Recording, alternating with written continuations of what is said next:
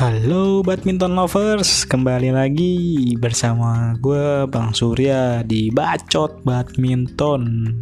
Kali ini BWF Tour Series yang kita bahas adalah Thailand Master 2020. Memang sih kalau di Thailand Master ini sebenarnya kurang seru nih untuk dibahas. Kenapa? Karena banyak unggulan-unggulan yang nggak main gitu, terutama di sektor tunggal putra terus uh, ganda putra dan ganda campuran. Cuman kenapa kok gue tetap bahas ya? Nah ada sisi menarik untuk Indonesia sebenarnya di Thailand Master ini.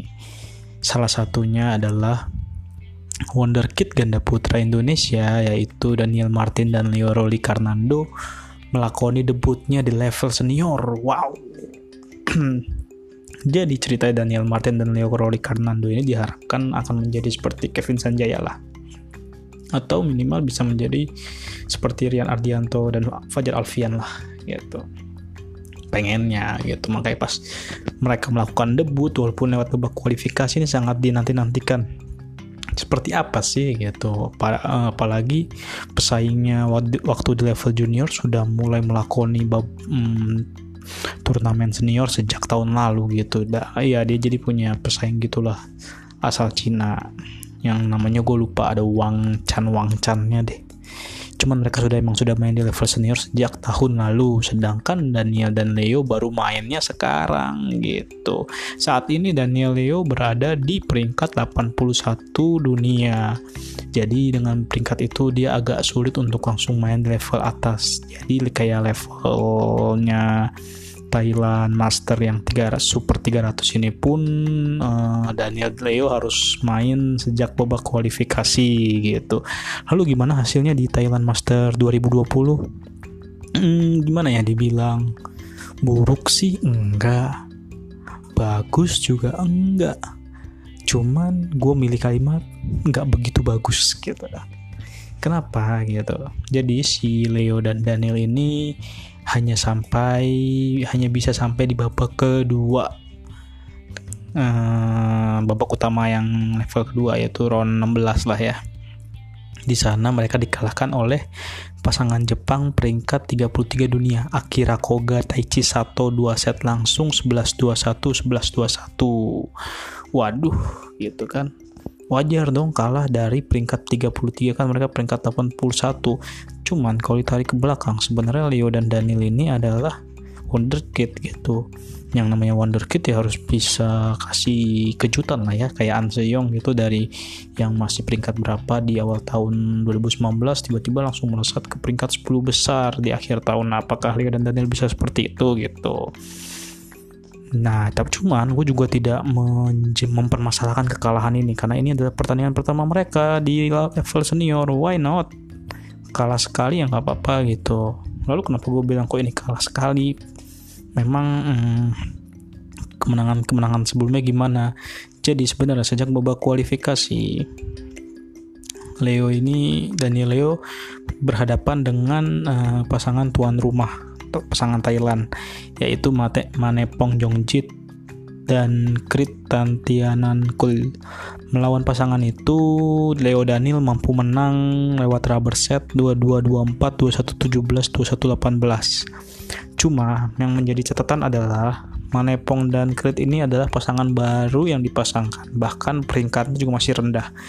Jadi kemenangan Leo dan Daniel pun wajar gitu meskipun begitu ini juga menjadi kayak hmm, pembentukan mental Leo Daniel juga. Uh, mereka akan berhadapan dengan pemain yang benar-benar belum pernah mereka lawan. Bagaimana mereka strategi untuk menghadapinya? Ketika ini menjadi rubber set pun juga menjadi hal yang wajar karena Manepong Jongjit sendiri adalah salah satu pemain senior. Gitu sih. Jadi uh, setidaknya mereka bisa mengantisipasi salah satu pemain seniornya Thailand Kemudian dia lolos ke babak utama dan di babak utama mereka harus berhadapan dengan wakil sesama Indonesia yakni Sabar Karyaman dan Muhammad Reja Pahlevi yang juga lolos ke babak utama setelah melewati babak kualifikasi. Hasilnya, Daniel Leo pun berhasil mengalahkan uh, Sabar dan Reja lewat dua set langsung 21-15, 21-19. Cuman kemenangan ini pun jadi wajar juga karena uh, Sabar dan Reja juga baru dipasangkan tahun ini gitu ya ini jadi kayak sebuah dua sisi sih ketika kita melihat sisi pertama. Wah iyalah lawannya tuh lawan yang baru dipasangkan. Sedangkan Leo dan Daniel ini adalah pemain yang sudah bermain bersama sejak di level junior. Jadi wajar dong dia bisa menang. Namun di sisi lain ini adalah debut mereka pertama di level senior. Jadi bisa dikatakan mungkin uh, dari segi mental mah ada. Cuman ya tinggal diasah dikit aja kali ya jam terbang ya. Ini baru yang pertama gitu. Makanya gue bilang hasilnya nggak jelek tapi ya nggak bagus juga. Jadi ya nggak begitu bagus gitu ya harapannya sih kalau yang keren-kerennya bisa nyampe perempat final lah gitu. Cuman ya dia cuma bisa sampai babak kedua. Oke nggak apa-apa gitu. Di ganda putra ini karena emang sepi unggulan ya sepi banget unggulannya. Hmm, yang menjadi pemenangnya itu adalah hmm, pemain Malaysia Ong Yeosun Teo Wei ini juga pemain muda sih Ong Teo nih. Dia juga lumayan bersinar di Malaysia Master kemarin dan sekarang menjadi kampion setelah mengalahkan pasangan Cina yang juga uh, kolaborasi senior junior yaitu Huang Kai Xiang dan Liu Cheng lewat rubber set 18 21 21 17 21 17 ya memang sepi unggulan sih jadi nggak begitu menarik juga ya kita obrolin lebih panjang lagi Nah, selain ganda putra nih, bagaimana sih eh, sektor-sektor lainnya di Thailand Master 2020 ini? Ya, kalau gue sebut sih Thailand Master 2020 ini adalah tempatnya para pemain-pemain pelapis mulai unjuk gigi sih gitu. Karena dari Indonesia sendiri di tunggal putra cuma nurunin Cesar Hiren Rustavito. Kecuali di tunggal putri kita full tim ada Fitriani, Georgia Mariska, dan Ruseli Hartawan di ganda putra pun bisa dibilang juga cuman tim-tim pelapis kayak Leo Daniel ada Sabar Muhammad Raja Pahlevi lalu juga ada Muhammad Sohibul Fikri dan Bagas Maulana. Di ganda putri kita cuma bawa satu malah ada Dela Destiara sama Anggia Sita di ganda campuran kita yang lumayan banyak. Ada empat. Ada Hafiz Gloria dari Novpita ada Anat Mit Adnan Michelle dan satu lagi itu adalah siapa ya? Uh, gua agak lupa. Oh Dejan Ferdiansyah dan Serena Kanina. Nggak pernah denger kan? Gue aja nggak pernah denger juga tuh nama tuh. Gue kira Dejan ini pemain Eropa Timur nih. Dejan Stan Konfik pemain bola. Ya gitulah lalu bagaimana nasib uh, misalnya tadi di tunggal putra kita kan cuma naruh uh, Cesar Hiren Rustavito nih ini gimana nih kalau di tunggal putra ini Cesar Hiran sebenarnya sempat memberikan kejutan di babak pertama. Dia mengalahkan wakil India unggulan kelima Serinkat Kindambi lewat 3 set 12-21, 21-14, 21-11.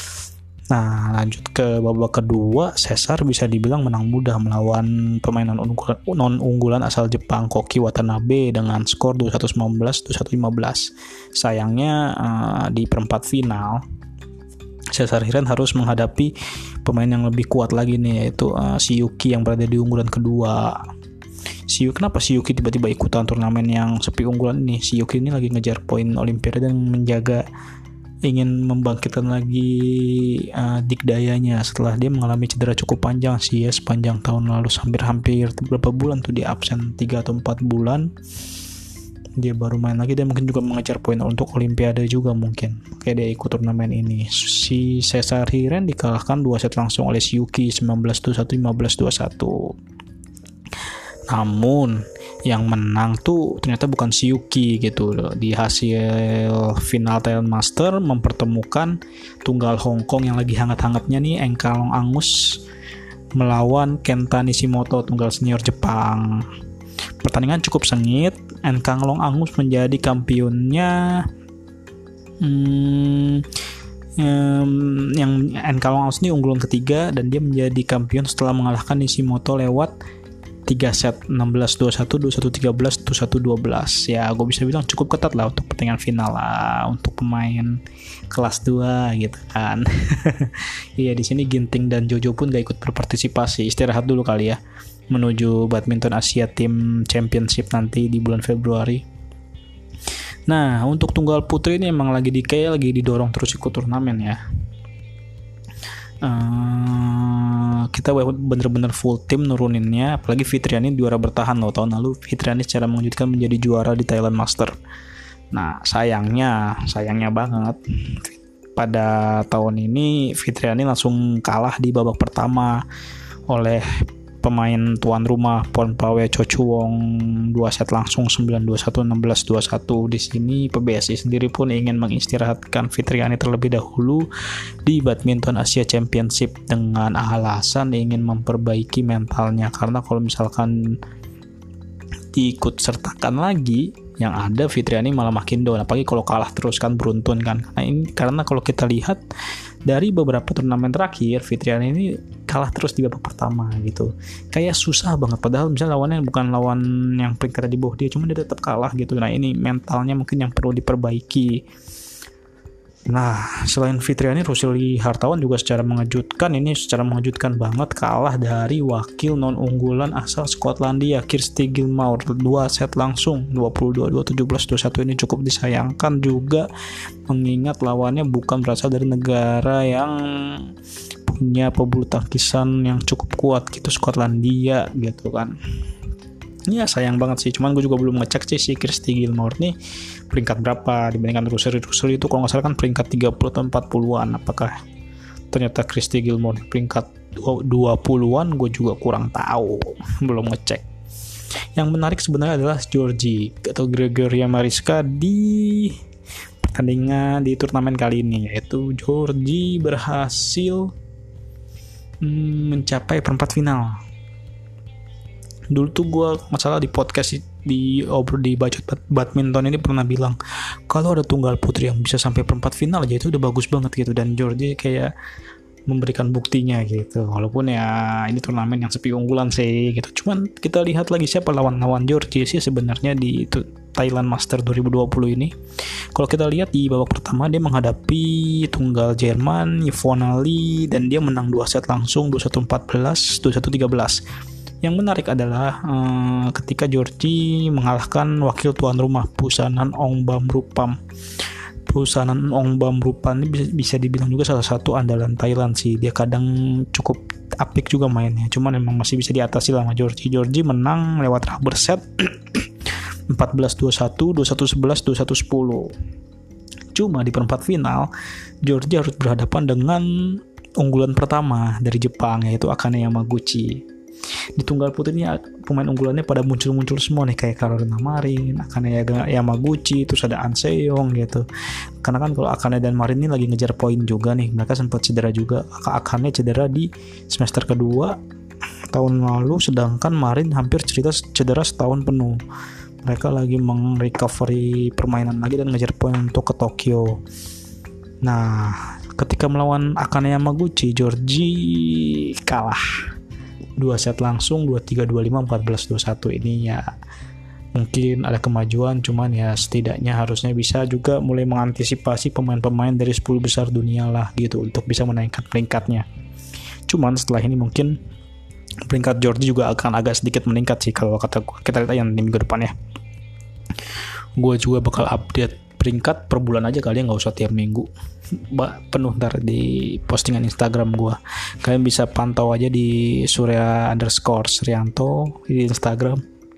Itu bakal gue update updatein lah tentang bulu tangkis. Lalu yang ngalahin Georgie ini akan ini pun menjadi kampion di turnamen kali ini gitu Akane menasbihkan, menasbihkan diri sebagai kampion setelah mengalahkan wonderkidnya Korea Selatan An Seong 2 set langsung 21-16 22-20 di ganda putri Indonesia yang menurunkan Anggia Sita Della Destiara yang main lewat babak kualifikasi pun harus kandas di babak awal. Mereka kalah dari pasangan Hong Kong Eng Seyao Yue Sin Ying lewat rubber set 16-21, 21-13, 8-21. Di ganda putri sendiri Cheng Kin Chen, Jia Yifan, Du Yu Lien Wen sampai Li, Li So dan Ching Sen Chan tuh tetap turun gitu gue nggak tahu kenapa sih kalau Cheng King Chen dan Jay Ivan emang lagi pengen ningkatin performanya terlebih dulu. Karena sepanjang awal tahun atau akhir tahun kemarin tuh sempat mengalami penurunan dikit lah di awal tahun ini. Jadi mereka kayak ingin meningkatkan lagi. Apalagi di, Malaysia Master dan di Indonesia Master mereka bisa bilang gatot juga sih. Gitu kan. Makanya mungkin dia lagi membangkitkan diri dan memang Chen Qingcheng dan Jie Yifan ini menjadi juara di Thailand Masters setelah mengalahkan pasangan Korea Selatan baik Hana Jung Kyung Eun lewat 2 3 set 17-21, 21-17, 21-15 yang paling disayangkan adalah ketika Hafiz dan Gloria ini gagal memanfaatkan momentum ketika Zheng Xiwei dan Wang Yakyung nggak ada.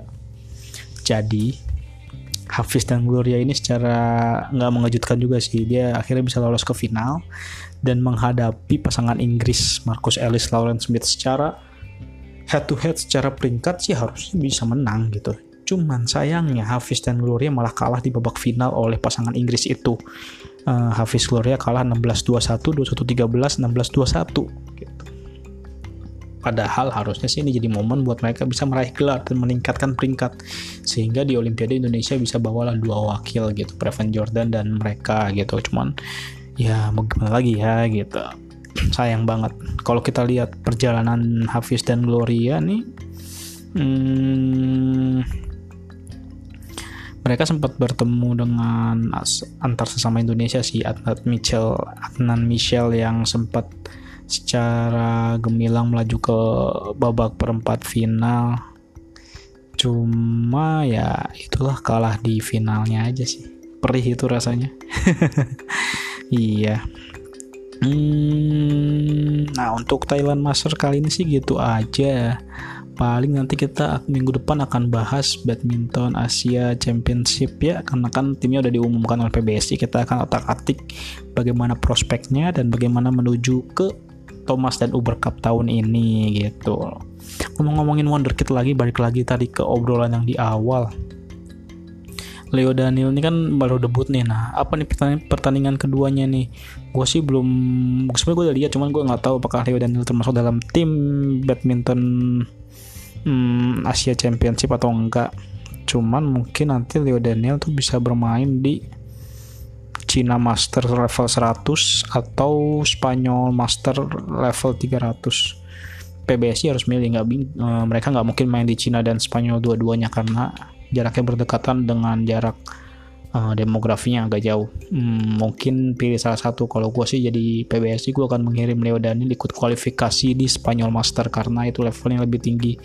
Mereka akan berhadapan dengan pemain yang lebih tinggi. Sedangkan jika bermain di level 100 mereka mungkin akan menghadapi lawan-lawan di mereka waktu di masih junior yang sudah mereka temui. Jadi itu nggak akan memberikan perkembangan signifikan kepada Leo dan Daniel. Gue harapkan sih PBSI kasih kesempatan mereka main di Spanyol sih. Gue harap gitu. Coba dan bagaimana uh, untuk selanjutnya? Gue bakal cek dulu BWF schedule 2020 Jerman Open itu kalau nggak salah level 500 dan kalau misalkan peringkatnya Leo Daniel belum naik dia mereka masih agak sulit untuk ikut sih ya untuk Jerman Open dan All England. Mungkin mereka baru bisa main di level 300 300 dulu lah gitu. Oh ya ngomong-ngomong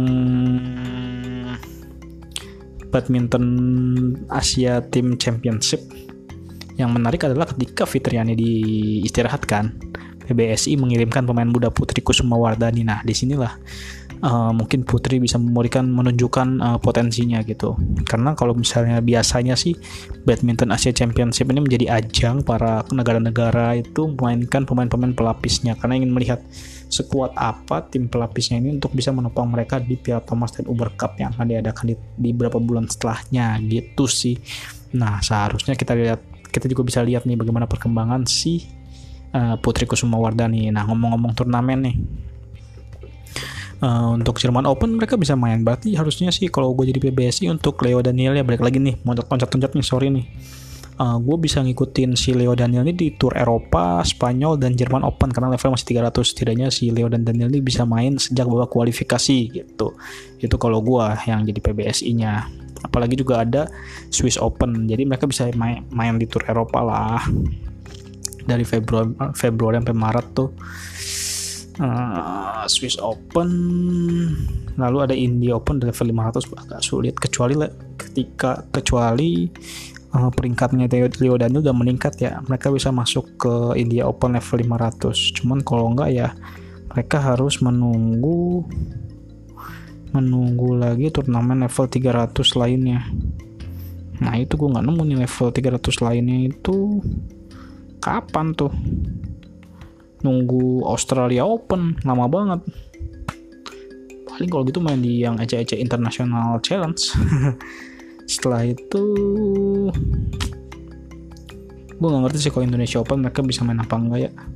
Kalau tuan rumah paling mereka baru bisa main lagi di Amerika Open ya kita lihat aja nanti perkembangan apakah keputusan PBSI akan menurunkan Wonderkid ini di level 300 atau mau di level 100 dulu. Kita nantikan aja nanti ya mungkin segitu dulu aja untuk podcast obrolan Bang Surya hari kali ini tentang Thailand Master 2020 di mana Wonderkid masih belum bertaji dan Gloria Hafiz melewatkan momentum emasnya. Sayang sekali.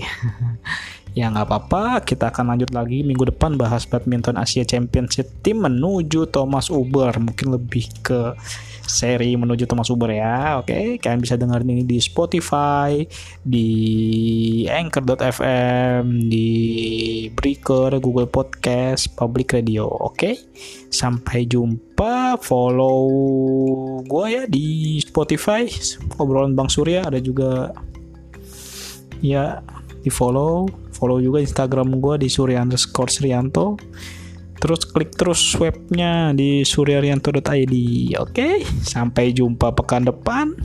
Bye bye